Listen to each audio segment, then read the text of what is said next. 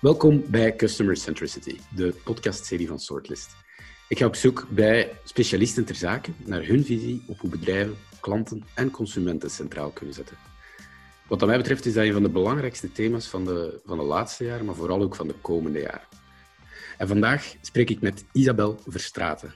Isabel is onderneemster en heeft een heel straf parcours afgelegd met tussenstops bij onder andere Duval Guillaume, FAV BBDO, Bpostbank uh, en daarnaast is ze momenteel president van FAM en staat ze op het punt een boek uit te brengen, The Care Principles. Dag Isabel. Hey, uh, bedankt, be bedankt eerst en vooral voor, uh, voor deel te nemen aan, aan deze podcast. Um, ik apprecieer alles je input en ik ben heel curieus naar de CARE Principles. Heb ik in de intro het volledige verhaal gedekt? Want het is inderdaad toch een parcours geweest, hè?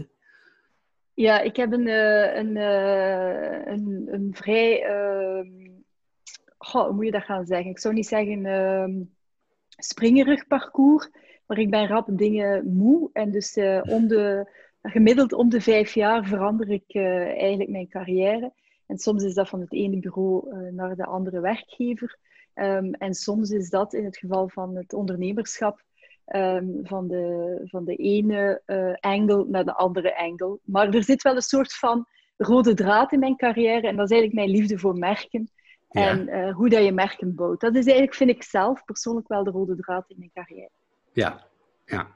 Oké, okay. um, dat vind ik heel interessant, uh, de liefde voor merken. Bij mij is dat de liefde voor de consument. Uh, vandaar dat ik ook daar die podcast-serie rond gecreëerd ben, Customer Centricity.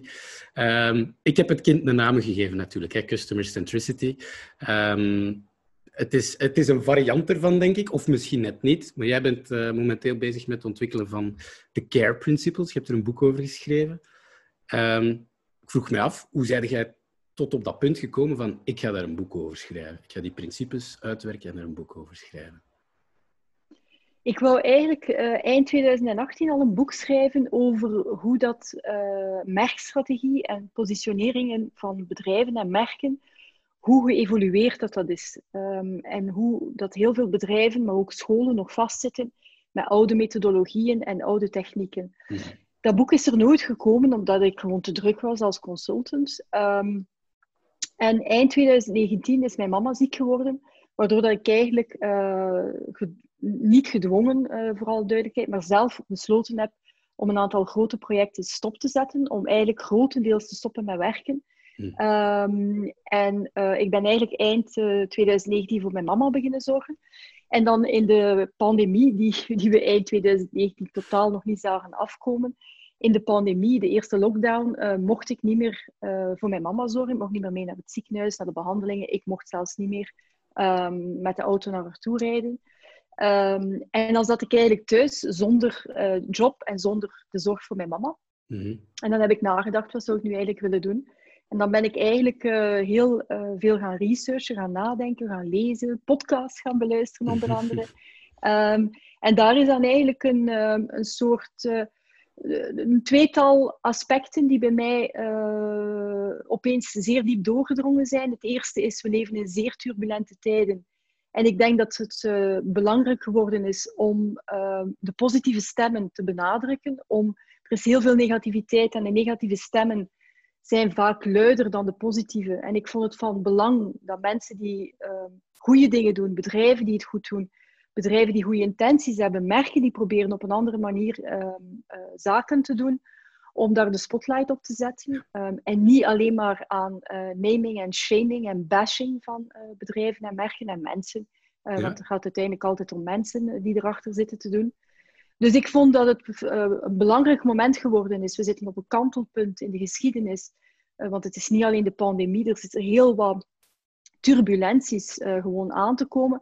En ik vond het van belang, uh, niet alleen voor mijzelf, maar ook voor mijn kinderen, om te zeggen, wel, ik heb op zijn minst dat gedaan. En ik denk dat iedereen iets kan doen, en dat is mijn manier om iets te doen, ja. het positieve te benadrukken. Dus dat was eigenlijk een eerste inzicht. En een tweede inzicht daarop gebouwd is dat ik denk dat er een enorme opportuniteit is voor bedrijven om een stukje zorg te dragen um, voor iets of voor iemand. Dus dat kan voor mensen zijn. Dus in die zin volg ik uh, jouw gedachtegoed van jouw podcast heel goed.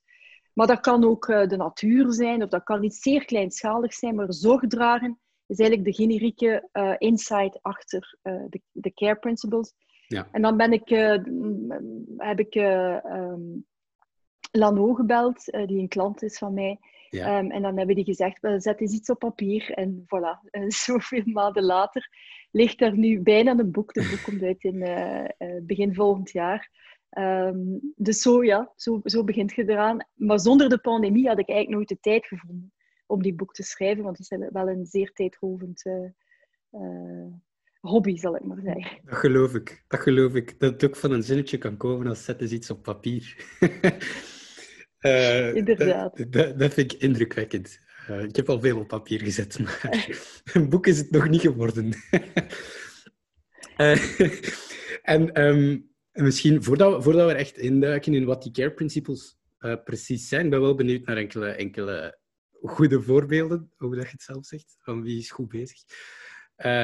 maak ik een juiste assumptie dat er toch een verhouding zit met customer centricity? Of hoe, hoe kijk jij daar naartoe? Wel, eerst op het woord customer centricity. Ik hou niet van dat woord. Hè. Ik ben met heel veel plezier in jouw podcast gekomen, omdat ik hou van podcasts en ik vind het super tof, omdat we elkaar eigenlijk niet echt kenden.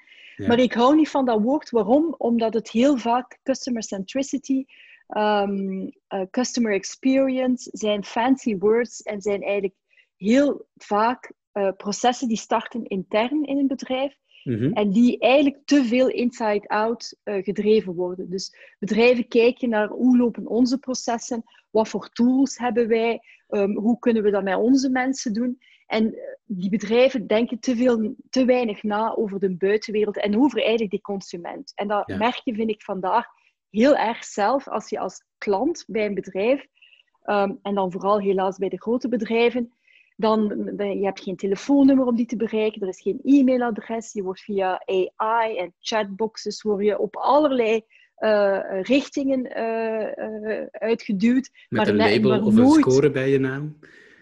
Maar nooit, nooit wat dat je nodig hebt en hoe dat je het wilt, of, of veel te weinig. En dus vind ik het een fancy word dat heel veel bedrijven afvinken van oké, dit hebben we, want onze processen zijn in orde, maar er wordt eigenlijk te weinig vanuit de consument gedacht. Dus dit als uh, parenthese, zal ik, ik maar zeggen. Ik ben heel blij dat je dat zo, dat je dat zo zegt. Uh, ik denk er hetzelfde over. Hè. This, this, it's just another buzzword. Um, maar ik moest het kind de naam geven. Hè? Ja, absoluut. Nee, maar absoluut. absoluut. En dat was ik herken heel hard wat dat gezegd ja. En dat is met mijn care principles hetzelfde. Dus achter de care principles zitten een aantal shiften in attitudes, in de manier dat we zaken doen. Ehm, die anders ehm, eh, kunnen gebeuren als, we, als de bedrijven toekomstgericht willen denken. En als ze willen zich al voorbereiden uh, voor die toekomst, die toch best wel wat uh, anders zal zijn dan wat dat, hoe het er vandaag uitziet. En die care principles worden dan toegepast eigenlijk op vier toepassingsgebieden. Waar dat bedrijven vandaag heel erg bezig zijn met de buitenwereld, hè, sustainability en de wereld en de planeet. Ehm, wat dat zeer mhm. goed is zeg ik van kijk, die care principles starten eigenlijk intern. Starten eigenlijk bij jouw personeel, your people. Um, omdat goed zorg dragen voor jouw eigen werknemers is eigenlijk de basis van een goed merk. Um, heel wat bedrijven zijn er gelukkig al mee mee. Uh, voor heel veel bedrijven is dat niet nieuw. Maar ik merk toch wel in de praktijk en in alle research die ik gedaan heb uh, toen ik het boek aan het schrijven was, dat heel wat bedrijven daar toch mee worstelen. En nu zeker in de tijden dat we nu zitten uh, van op afstand werken en hoe houden we de controle op onze werknemers. En, uh, dus, dat is, uh, dus de care principles starten intern. En dan de tweede poot, en daar komen we elkaar natuurlijk tegen, is natuurlijk de klanten. Hè, want je kan de beste werkgever ter wereld zijn. Als je geen, geen klanten hebt of niet goed omgaat met jouw klanten, dan zal het verhaal niet blijven duren. Dus het, de, de, de customer, de client, is eigenlijk een tweede toepassingsgebied derde toepassingsgebied is de communities. Dat gaat dan breder. Um, dus dat kan evengoed concurrenten zijn, um, andere bedrijven zijn waar bedrijven kunnen mee samenwerken. Maar ook bijvoorbeeld uh, universiteiten, uh, lokale overheden, um, uh, leveranciers. Ja. Vandaag heel vaak nog een verhouding tussen een bedrijf en een leverancier. Er zit een machtspositie in. Ja, je mag ja, blij zijn als je mag werken voor een bepaald merk. En dan word je uitgeperst en moet je gigantische betalingstermijnen bijvoorbeeld aanvaarden. Ja. Dat zijn eigenlijk geen uh, caring uh, attitudes. Bedrijven zouden veel beter partnerships met leveranciers maken, zodat ze bijvoorbeeld in tijden van pandemie um, kunnen samenwerken om bijvoorbeeld leveringen erdoor te krijgen en dat soort dingen. En dan vervolgens het laatste toepassingsgebied, het vierde, um, is eigenlijk pas de wereld. En natuurlijk is alles gelieerd met elkaar, hè, dus het, hoeft niet allemaal, het zijn geen vakjes apart, maar de mhm. care principles zijn eigenlijk vier shiften in attitudes. Die zitten in CARE, C-A-R-E, en die worden dan toegepast op your people, your clients, your communities and the world. Dus zo zit het boek in één. En in het boek zijn er dus heel veel positieve voorbeelden um, waar elk bedrijf kan uh, gebruik van maken en kopiëren of toepassen op zijn manier. Um, zo zit het boek eigenlijk in elkaar. Maar dus we komen elkaar tegen uh, in het uh, domein. Hoe pas je de care principles toe ja. op your client? Ja. Ja, ik vind het, ik vind het heel, heel aangenaam om te horen dat, dat het, het is... Het is het is een, een, een filosofie bijna, of een visie over hoe, hoe kun je als bedrijf caren. denk, het, woord zelf zegt het al. En uh, het, eh, ik, ik, ik heb het nog niet gelezen, want het is nog niet gepubliceerd, maar ik ben heel benieuwd hoe, dat, hoe dat je dat dan kunt tastbaar maken. Want ik merk dat dat een hele grote uitdaging is voor heel veel bedrijven. Niemand gaat ooit discussiëren over, je moet uh, caren, over uw leveranciers, over uw klanten, over uw omgeving, over uw, over volk, over uw people. Mhm. Ehm, en toch loopt dat dikwijls vast in, in vergaderzalen en uh, conferenties. Ja, dat klopt. Dat, dat is absoluut waar. Dat is een zeer terechte opmerking. Maar wat ik merk, want ik ben uiteindelijk toch al uh, meer dan tien jaar, dik tien jaar um, als consultant uh, bezig met CEO's en managementteams om merken en bedrijven te herpositioneren, innovatietrajecten en zo. En wat ik eigenlijk altijd merk, is dat een bedrijf veel meer doet dan dat ze durven communiceren. Ehm, bedrijven zitten heel vaak in een kramp als het gaat om communicatie over wat dat ze doen, omdat ze denken, we kunnen dat nog niet naar buiten brengen, want het is nog niet goed genoeg, of het is nog niet compleet. Of bijvoorbeeld op sustainability, ja, we hebben al zonnepanelen op al onze fabrieken, ja. maar ons wagenpark is bijvoorbeeld van onze werknemers is nog niet groen genoeg. Ehm, en dus durven we niet zeggen dat we uh, ecologisch bezig zijn. Oké, terecht. Het is goed dat je beseft dat nog niet alles ecologisch uh, goed genoeg is. Maar je kan wel zeggen wat je al doet. En ondertussen erbij vertellen, open, eerlijk en transparant, van kijk, en dat en dat en dat is nog niet oké, maar daar zijn we aan aan het werken. Ja. En dat is een attitude um, die um, bij veel bedrijven, en zeker zeker Belgische bedrijven, er nog niet 100% in zit. Terwijl dat wel de attitude is naar de toekomst toe. Van oké, niks is perfect. We zitten allemaal, iedereen, van een klein bedrijf tot een groot bedrijf, uh, start-ups tot multinationals, um, lokaal, internationaal. We zitten in een enorme transitiefase. En in die transitiefase zijn er altijd blind spots. Zijn er altijd dingen, hoe goed dat je ook alles voorbereid hebt, zijn er altijd dingen die je niet gaat gezien hebben. Ja. En dat is oké perfectie bestaat niet. En dus die picture-perfect wereld waar we uitkomen en waar dat marketing helaas ehm, in mijn inziens geen goede rol in gespeeld heeft, want het moest altijd in het verleden picture-perfect zijn. Ehm, die wereld moeten we loslaten. Dat is een wereld uh, van het verleden. Dat is in mijn ogen een oud model, waarbij dat we het in de toekomst niet gaan redden. Dus ik denk dat de toekomst zal meer eerlijkheid, zal meer authenticiteit, ja, en zal soms ook zullen we ja, met schaamrood op de wangen moeten toegeven van ja, dit, dit loopt nog niet goed genoeg of dit is oké, maar niet hoe dat we het 100% willen. Maar die eerlijkheid in communicatie um, is iets waar veel bedrijven uh, schroom van hebben. Mm Omdat het nog niet zo geïnstitutionaliseerd is. Uh, maar dat komt wel. De grote, de grote jongens uh, wereldwijd zijn er al echt al mee begonnen. Um, en dus dat, dat zal wel komen. Ik ben ervan overtuigd dat dat wel zal komen. Ja, dat er een, een switch komt van liever tonen waar je initiatieven naartoe aan het gaan zijn, dan tonen dat je perfect bent. Ja, absoluut. En, en natuurlijk... En er ook voor kiezen van helemaal niets communiceren, is nog veel erger. Ja, en natuurlijk, uh, we moeten opletten voor greenwashing en we moeten opletten voor uh, empathy washing, want een van de care principles is de E van care voor empathy. En empathy washing is een is zeker in de States bijvoorbeeld een zeer groot fenomeen. Ik ken, um, het ehm, niet. ik ken het niet, empathy washing. En mijn haar is doen alsof dat je empathisch bent.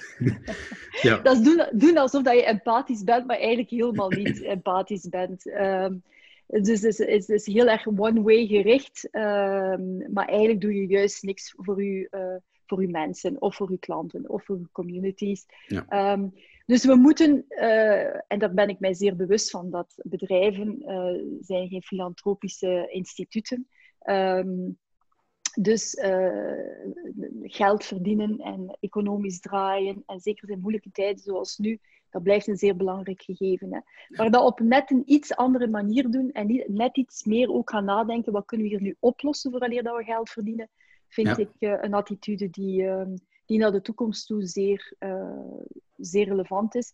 En vooral, en dat is een van de redenen waarom dat bedrijven zich moeten aanpassen daaraan, de nieuwe generatie die er zit aan te komen, Gen Z, uh, die is super kritisch en die, die, die schiet doorheen alle marketinglagen um, ja. en doorheen alle uh, mooie uh, glittery en shiny layers dat bedrijven gewoon zijn van op te bouwen.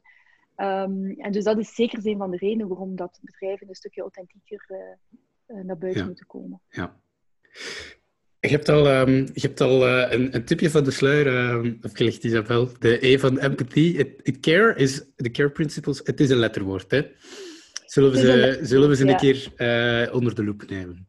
Ja, dus de care principles, hè, zoals ik zei, de generieke insight erachter is um, zorg dragen voor iets of iemand. Hè. Dus taking care is eigenlijk de insight die erachter zit. Maar in het woord care zitten eigenlijk vier shiften in attitudes. En die zitten dus in die letters C-A-R-E.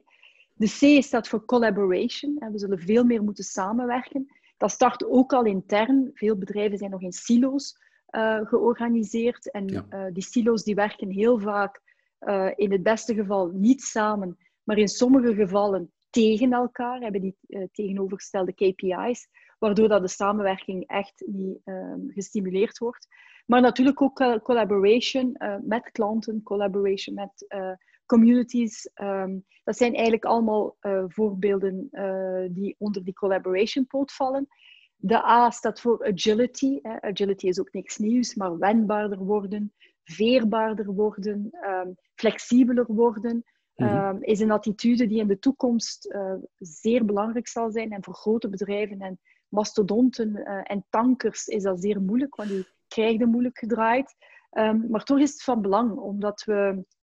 Nu is het een virus die de wereld heeft stilgelegd, maar er zullen nog uh, zaken aankomen de komende decennia, um, waardoor dat bedrijven zich zullen moeten op een of andere manier wendbaar opstellen. Dus dat is agility. De R van CARE staat voor reliability. Dus um, hoe betrouwbaar ben je? We leven in een tijdperk van fake news, controversieel nieuws, ja. um, filterbubbels waarin dat we uh, steeds bevestigd, ons beeld van de wereld bevestigd krijgen. Ja. En weinig voeling uh, uh, hebben met wat er in de rest van de wereld gebeurt. Deepfakes die er zitten aan te komen. Dus wie, is, wie en wat is nog betrouwbaar? Het zal voor een bedrijf zeer belangrijk worden om op die, um, dat vertrouwen te gaan werken met, met consumenten. Hè. Phishing, enfin, er zijn honderdduizenden voorbeelden van um, hoe bedrijven gemanipuleerd worden om ja. um, mensen, bijvoorbeeld in het geval van phishing, hun geld af te troggelen. En dan de E staat voor empathy. En empathy is een vrij nieuwe uh, emotie, ook in de psychologie zelfs. Uh, maar zal belangrijk zijn, omdat we naar een wereld evolueren waarin dat, um, het middensegment aan het verdwijnen is. Um, uh, en dus meer mensen zullen meer nood hebben aan zaken. En dus u kunnen verplaatsen in een ander en jou kunnen verplaatsen in hun wereld en echt verplaatsen. Um, en vandaar de empathy washing, dat dat al, ook al bestaat. Empathy is nog vrij nieuw, maar er is toch al empathy ja, washing. direct een tegenpool. ja, inderdaad. Um, dat is iets waar dat, uh, wat dat vrij nieuw is voor, voor heel veel bedrijven. Uh, ja. Omdat ze natuurlijk, wat ik al zei in het begin, bedrijven zijn gewoon van inside out te werken. Dit ja. doen we, dit product kunnen we produceren, deze service kunnen we aanbieden. Um, en start weinig vanuit bijvoorbeeld een consument of start weinig vanuit een partnership met um, de leverancier bijvoorbeeld. Ja. Dus voilà, dat zijn de, de care principles. Ja, ik, ik, uh, ik volg alle vier blind. nee, dus dat is veel gezegd. Dat is veel gezegd. Um, blind is niet verstandig, denk ik. Ehm, maar ik volg ze wel. Ik volg ze wel, of ik ga ze beginnen volgen. Ehm, er, er zijn er twee die voor mij persoonlijk eh, iets meerwaarde hebben. Ook al vind, vind ik de andere zeker niet eh, onbelangrijk, integendeel. Ehm maar dat is ook mijn, mijn eigen historiek enzovoort. Collaboration en empathy zijn de twee Mhm. waar dat ik het meest tastbaar in herken van wauw, daarmee kunnen we een impact hebben. Ja. En daarmee, ik vroeg me af... eh, en collaboration en agility zie ik trouwens heel nauw samengaan soms. Ja, dat is ook Eh, zo. dat dat silo-denken, dat toch al jarenlang bevestigd is geweest en waar dat er nu een soort van bewustzijn komt. Oké, die silo's, we moeten cross-departementeel vlakke structuren Ja. werken. Dat Ja. is toch een beetje agile, hè? Of, of verzin ik Ja. het nu? Ja, ook, absoluut, absoluut, absoluut. En, en zoals ik al zei, die care principles, ehm, net zoals dat die vier toepas- toepassingsgebieden van, eh, van jouw werknemers, jouw klanten en zo ook niet separaat zijn, zijn die care principles ook niet separaat. Dus dat zijn zeker geen aparte hokjes. Mhm. Het een heeft al snel een link met het andere. Maar als je nu bijvoorbeeld collaboration ehm, eh, met clients, hè, want dat, dat is dan een beetje in lijn toch met jouw podcast, ehm, zijn er eigenlijk heel veel voorbeelden te vinden. En die zeker in de, in de mode-industrie bijvoorbeeld, of in de Mhm. sportwereld, ehm, zijn er heel veel voorbeelden van co-creation ehm, eh, en dat soort zaken. Dus dat is eigenlijk niet nieuw. Maar een voorbeeld die mij eh, dit jaar eigenlijk, eh, die ik eigenlijk wel heel leuk en heel origineel vond, eh, komt uit de muziekindustrie. En dat is Ja. eigenlijk ehm, de zanger van Snow Patrol. Ja, Ehm, dat is een Ierse ban- band. ehm, en die zanger die heet eh, Gary Lightbody. ja. Die zat zoals zoveel eh, eh, bands, zaten die in lockdown. ehm, en die zat gewoon thuis. Die moest normaal op tournee, maar dat ging natuurlijk niet. En die is zo op Instagram live, is ze zo elke zaterdag beginnen live muziek maken voor zijn fans. En hij vroeg dan telkens aan zijn fans, geef mij eens een aantal keywords. En dan ging hij een uurtje offline en dan maakte hij een nieuw liedje met Ah, die cool. keywords. ja. Dus dat was eigenlijk al een soort van live co-creation. Dus dat was eigenlijk wel al heel leuk. Mhm. Ehm, hij heeft dat dan eigenlijk... eh, hij vond dat eigenlijk zelf eh, zeer tof om te doen, omdat het een zeer directe, eh, tastbare eh, ehm, eh, contact was met zijn fans. Mhm. En dat is dan uiteindelijk ehm geresulteerd in een eerste liedje dat heet Dance With Me. eh. Dat hij eigenlijk samen geschreven heeft met zijn fans. Hè, want de fans gaven woorden en, en topics en, en gelijk wat. En dan in augustus van dit jaar is daar een eerste EP eh, uitgekomen. Dat zijn vijf liedjes die hij op die manier samen heeft gemaakt met zijn, eh, met zijn fans.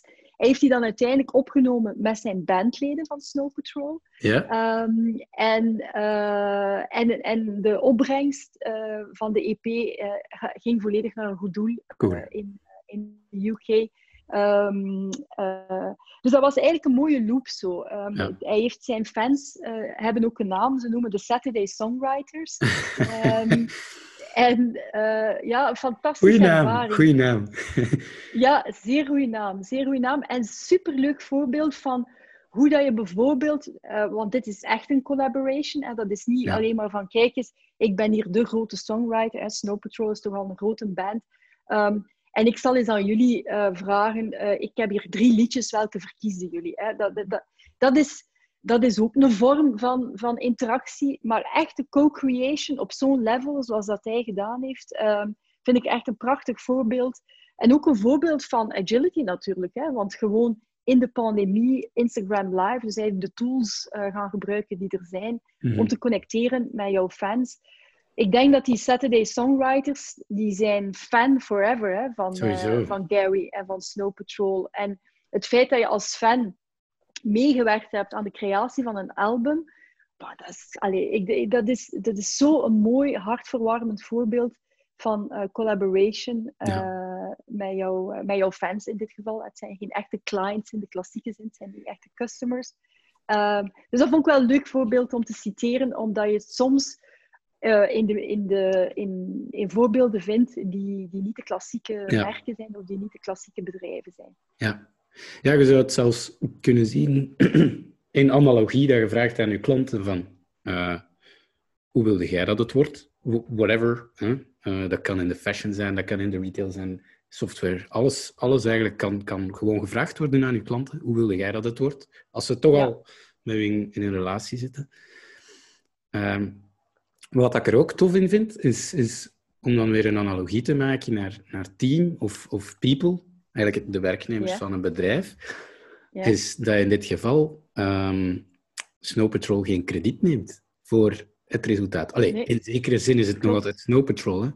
maar uh, door dat te gaan benoemen als de Saturday Songwriters, ja. zet je eigenlijk die mensen in de spotlight voor iets dat ze ook effectief hebben aan gewerkt. Ja, het is, absoluut. is ook niet gewoon absoluut. Uh, een piedestal zonder reden. En dat vind ik wel een... Ja, dat is een van de... Dat is een zeer terechte opmerking, want dat is een van de shiften uh, die, die ik heel graag zou helpen in gang duwen. Ja. Is dat we eigenlijk van een ego-gedreven, van een ik-maatschappij, een stukje moeten evolueren naar een wij-maatschappij. Hè? Wij samen. En het gaat niet meer zo specifiek... En dat is ook voor bedrijven. Hè? Het, het gaat van, van, van shareholder... Uh, belangen naar stakeholder belangen. Dus het Ja. gaat over over breder, breder um, uh, dingen uh, gedragen laten worden. En niet alleen maar ik, en, maar meer denken in, in termen van wij. En dat is een moeilijke shift. Hè. Ik ben me er zeer van bewust dat dat Ja. een moeilijke shift is, omdat een mens is van nature gewoon zeer egoïstisch en zal altijd eerst zorg dragen voor zichzelf en dan pas denken aan de anderen. Maar er, er zijn nu zoveel anderen die het moeilijk hebben of die extra hulp kunnen gebruiken of een beetje extra aandacht of zorg. Als je de, de cijfers hoort van mensen die het moeilijk hebben, van burn-outs, van ehm, ehm, zelfmoorden. Van, enfin, ik, ik heb bewust gekozen om altijd het positieve Ja. te benadrukken, maar dat neemt niet weg dat ik niet weet. Ik besef zeer goed en ik weet zeer goed wat er aan de hand ook is op, op vlak van, van problematieken die er leven. En niet alleen in België. België is koploper op heel wat van die cijfers, helaas. Maar het is geen Belgisch fenomeen. Het is echt een, een, een globaal fenomeen dat, dat, dat helaas mensen... Is heel veel druk op mensen. Hè. Mensen hebben nog nooit zo hard gewerkt als dit jaar in de pandemie. We hebben allemaal thuis gewerkt, maar de, de, de, de, de productiviteit ligt hoger dan dat we op, naar kantoor gingen of uh, naar het werk gingen. Um, en dan zeggen mensen vaak tegen mij, vooral CEO's, ja, maar ja, ik wil toch controle houden over mijn mensen, want er zijn ook mensen die er misbruik van maken. Ja, dat klopt. Er zijn ook mensen die er misbruik van maken. Um, een mooi voorbeeld um, van een attitude daarop was bijvoorbeeld de CEO van het uh, Brusselse uh, ziekenhuis, uh, Noppen. Ja. Mark Noppen, fantastische man vind ik. Ik ken hem niet persoonlijk voor alle duidelijkheid, maar ik, ik volg hem uh, online en ik lees zijn columns in de tijd. Ja. En zij hebben dus de, het ziekenhuis in de eerste lockdown zo snel moeten herbouwen. En alle mensen, dus alle administratieve diensten en zo, moesten ook van thuis werken.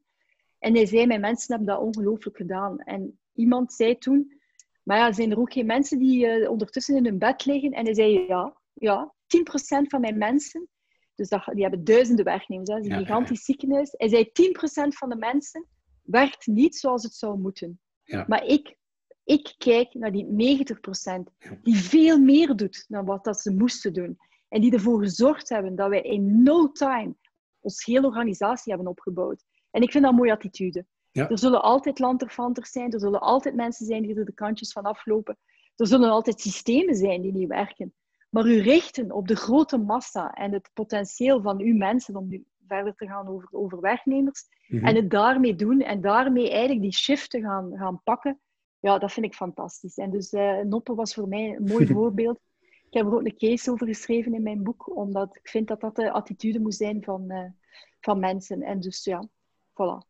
Ik ben aan het uh, afwijken, denk ik. Nee, ja, ik, ik, ik, ik vind het heerlijk. Ik, ik geloof heel hard in als je, als je ervoor kiest om een grote groep mensen allemaal te behandelen met vertrouwen.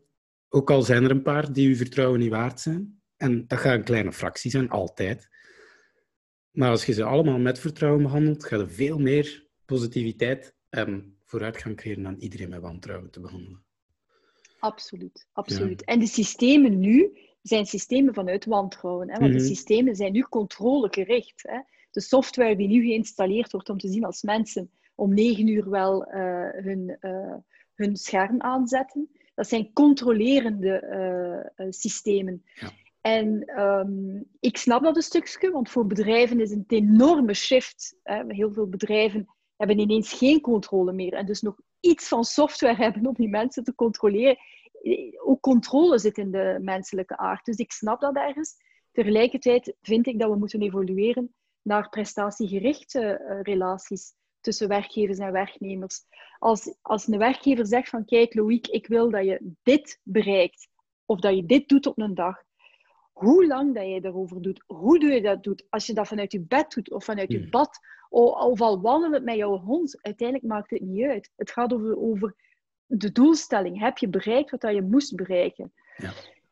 Maar ook daar is dat een evolutie, want we, we, we, zijn, we zijn nu wel ineens heel snel. Er is heel wat, uh, wat shiften gebeurd dit jaar. Mm ten goede, denk ik ook. Hè. Ehm, de pandemie heeft heel veel ellende en miserie veroorzaakt ook. Maar er mhm. zijn ook ehm, in mijn inziens zeer wat positieve, heel wat positieve zaken die, die bewerkstelligd zijn en versneld zijn. Ehm, en ik denk dat dat bewustzijn, dat merk ik wel heel erg als ik met, met bedrijven spreek en met mensen, uh, werknemers rondom mij spreek, die in allerlei bedrijven werken. Op zijn minst is dat bewustzijn er nu van oké, we moeten een stukje de controle loslaten, want we zullen niet meer teruggaan naar vijf dagen op kantoor zitten, zelfs als we allemaal gevaccineerd zijn. We zullen in een hybride systeem blijven. Hoe kunnen we een stukje controle opgeven en hoe kunnen we meer prestatiegericht gaan werken? Op zijn minst is er nu de bereidheid om daarover na te denken. En ik denk voor de pandemie was die bereidheid er niet. Want ja, we gingen gewoon toch allemaal naar kantoor. Ehm, en bedrijven zagen, ondanks de files en ondanks alle issues die eigenlijk al lang voor de pandemie op tafel lagen, waarom dat interessant is om te telewerken, ehm, was er geen noodzaak om die shift te maken. Ja, de nagel op de kop. Die noodzaak was er niet. Ik, uh, ik uh, zou heel graag het, het, uh, het domein empathy ook eens um, bestuderen. Eh, ik vind het heel interessant dat je zegt, dat is een relatief nieuw domein, zelfs binnen de psychologie. Um, voor mij is al een dusdanige evidentie geworden dat empathie deel is van professionele omgeving. Maar ook daar moet ik zeggen dat dat nog maar een jaar of twee effectief het geval is, dat ik daar heel actief mee bezig ben. Um, mm Dus ik ben wel benieuwd hoe dat jij er naar kijkt. Wel, empathie heeft dus, ten, dat is heel eenvoudig het u kunnen verplaatsen um, in een ander. Dat is eigenlijk de korte samenvatting van wat dat empathie is. Maar dat betekent dat je um, een stukje kwetsbaarheid moet tonen. Waarom? Omdat um, als je u verplaatst in, uh, in een ander, dus bijvoorbeeld in uw klant of in uw werknemer, um, uh, dan moet je misschien een aantal dingen die jij normaal vindt of die jij gewoon bent om te doen, moet je misschien durven vanuit een ander perspectief te bekijken. En durven beseffen dat wat dat jij denkt dat goed functioneert voor jou, dat dat misschien niet goed functioneert voor de ander. Dus een stukje kwetsbaarheid hoort erbij. En dat is een van de redenen waarom dat, dat zeker binnen het zaken doen en binnen, binnen bedrijven en merken nog niet zo geïnstalleerd is. Want we, zijn, we komen uit een, een, een tijdperk waarin, hè, dat ik-tijdperk, waarin dat het vooral toch ging over tonen hoe goed en hoe mooi en hoe krachtig en hoe sterk en hoe succesvol dat je bent. En uh, kwetsbaarheid zit er niet bij. Um, mm -hmm. Dus dat is voor heel wat bedrijven en, en, um, en bedrijfsleiders um, of leidinggevende, het, hoeft niet altijd een top te zijn, leidinggevende, is dat een, een, een, een zeer uh, onbekend terrein. Want als leidinggevende durven zeggen dat je iets niet 100% weet, of dat je misschien iets gedaan hebt vanuit denkende dat het de goede manier was, maar misschien achteraf bleek dat dat voor die mensen niet de juiste manier was, dat is een stukje moeten toegeven dat je gefaald hebt, of dat, dat je ja, niet 100% gedaan hebt wat je dacht dat het ging doen. En die kwetsbaarheid en die eerlijkheid is een stukje die we niet gewoon zijn, want we zijn gewoon van te kijken naar de leider, de baas, en die moet het weten. Die moet als een soort van, uh, een soort van uh, uh, goeroe voor zijn troepen lopen en zeggen: Ik weet dat nog langs daar is. De rots in de branding, de vuurtoren op de klif. Ja. ja. Ja, want een twijfelende leider, daar kijken we niet naar op. Terwijl dat die pandemie ons ook daar met de neus op de feiten gedrukt heeft, van niemand heeft dat zien komen. Ja, oké, een paar jaar geleden heeft Bill Gates iets geroepen over een virus. En virologen natuurlijk, dat is een vak.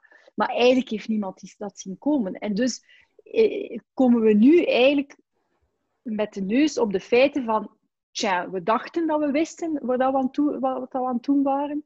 Ehm, maar ineens komt er toch heel wat onzekerheden op ons af. Ja. En dus durven, empathisch leiderschap is dus durven zeggen van kijk, dat en dat en dat denk ik dat we moeten doen. Maar misschien zullen we along the way moeten uh, het geweer van schouder veranderen en ons aanpassen.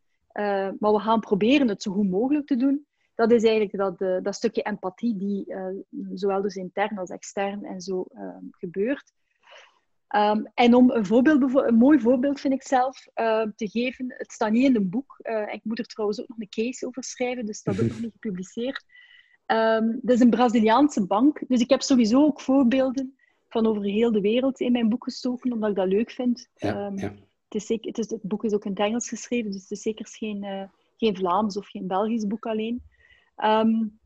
dat is een, een uh, Braziliaanse bank en die heet Itaú Unibanco. En Itaú Unibanco is een van de grootste uh, private banken in Latijns-Amerika.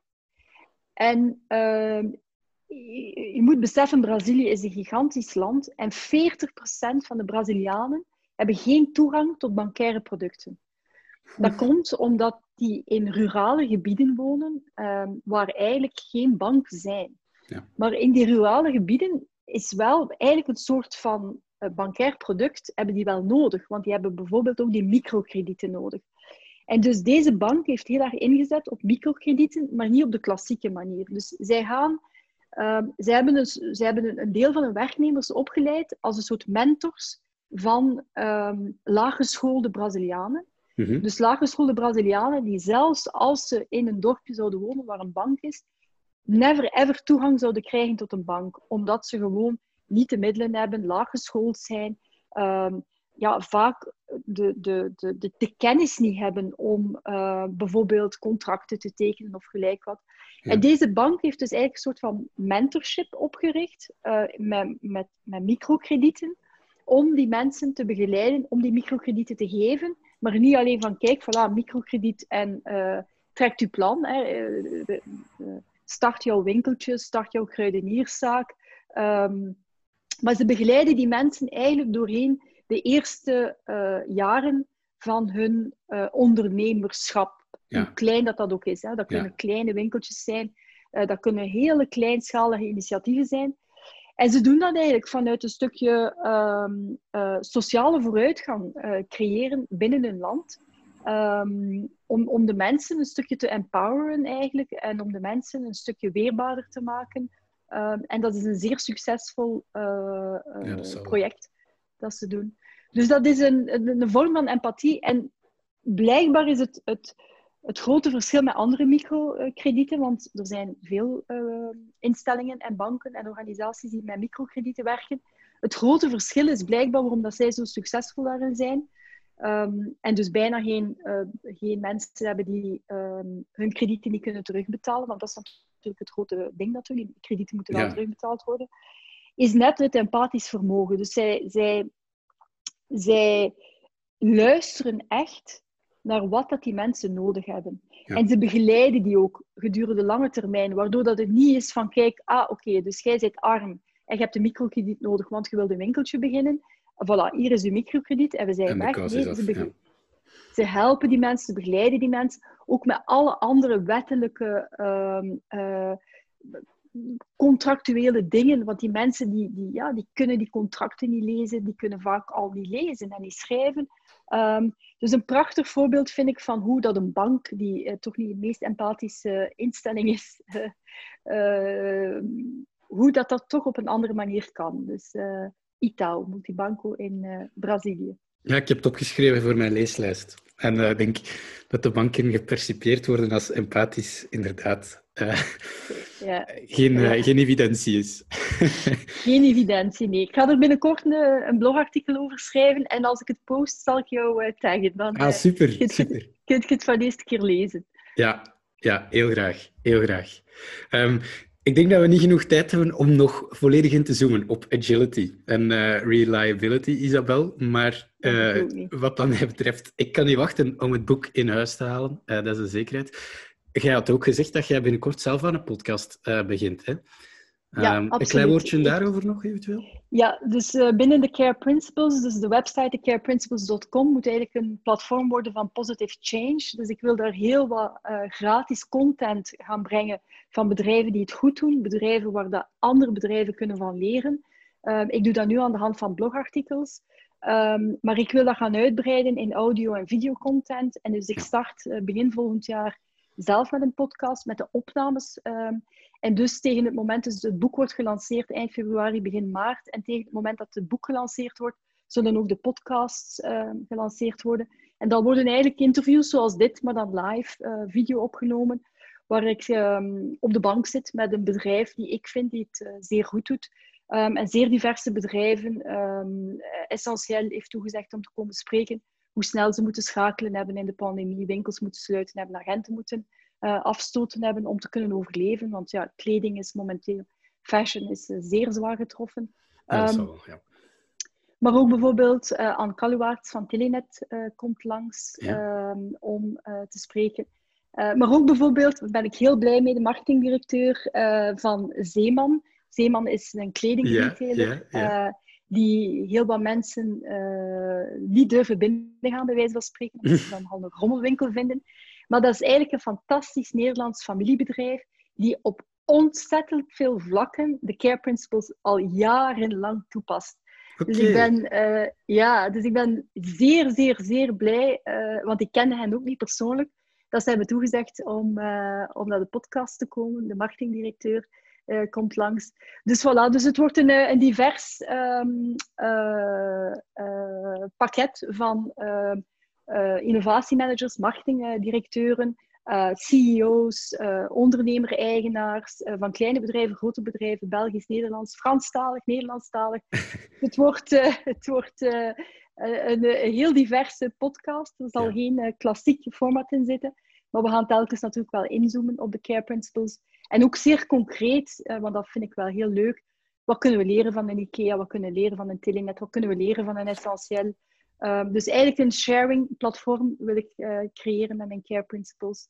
En uh, die positive change een stukje verder in gang duwen. En uh, daar ja. wil ik mijn schouders onder zetten voor de komende jaren. En ja. podcast leek mij, een videopodcast leek mij daar een, een bijzonder goed, goede tool voor. Dat kan ik alleen maar bevestigen. voor wat het waard is, je hebt er een fan bij, een ambassadeur, een volger. Hè. Yes, ik, yes, ik kijk uit naar, uh, naar, naar de eerste content en uh, naar de publicatie van, van je boek. heel, hard, heel hard bedankt, Isabel.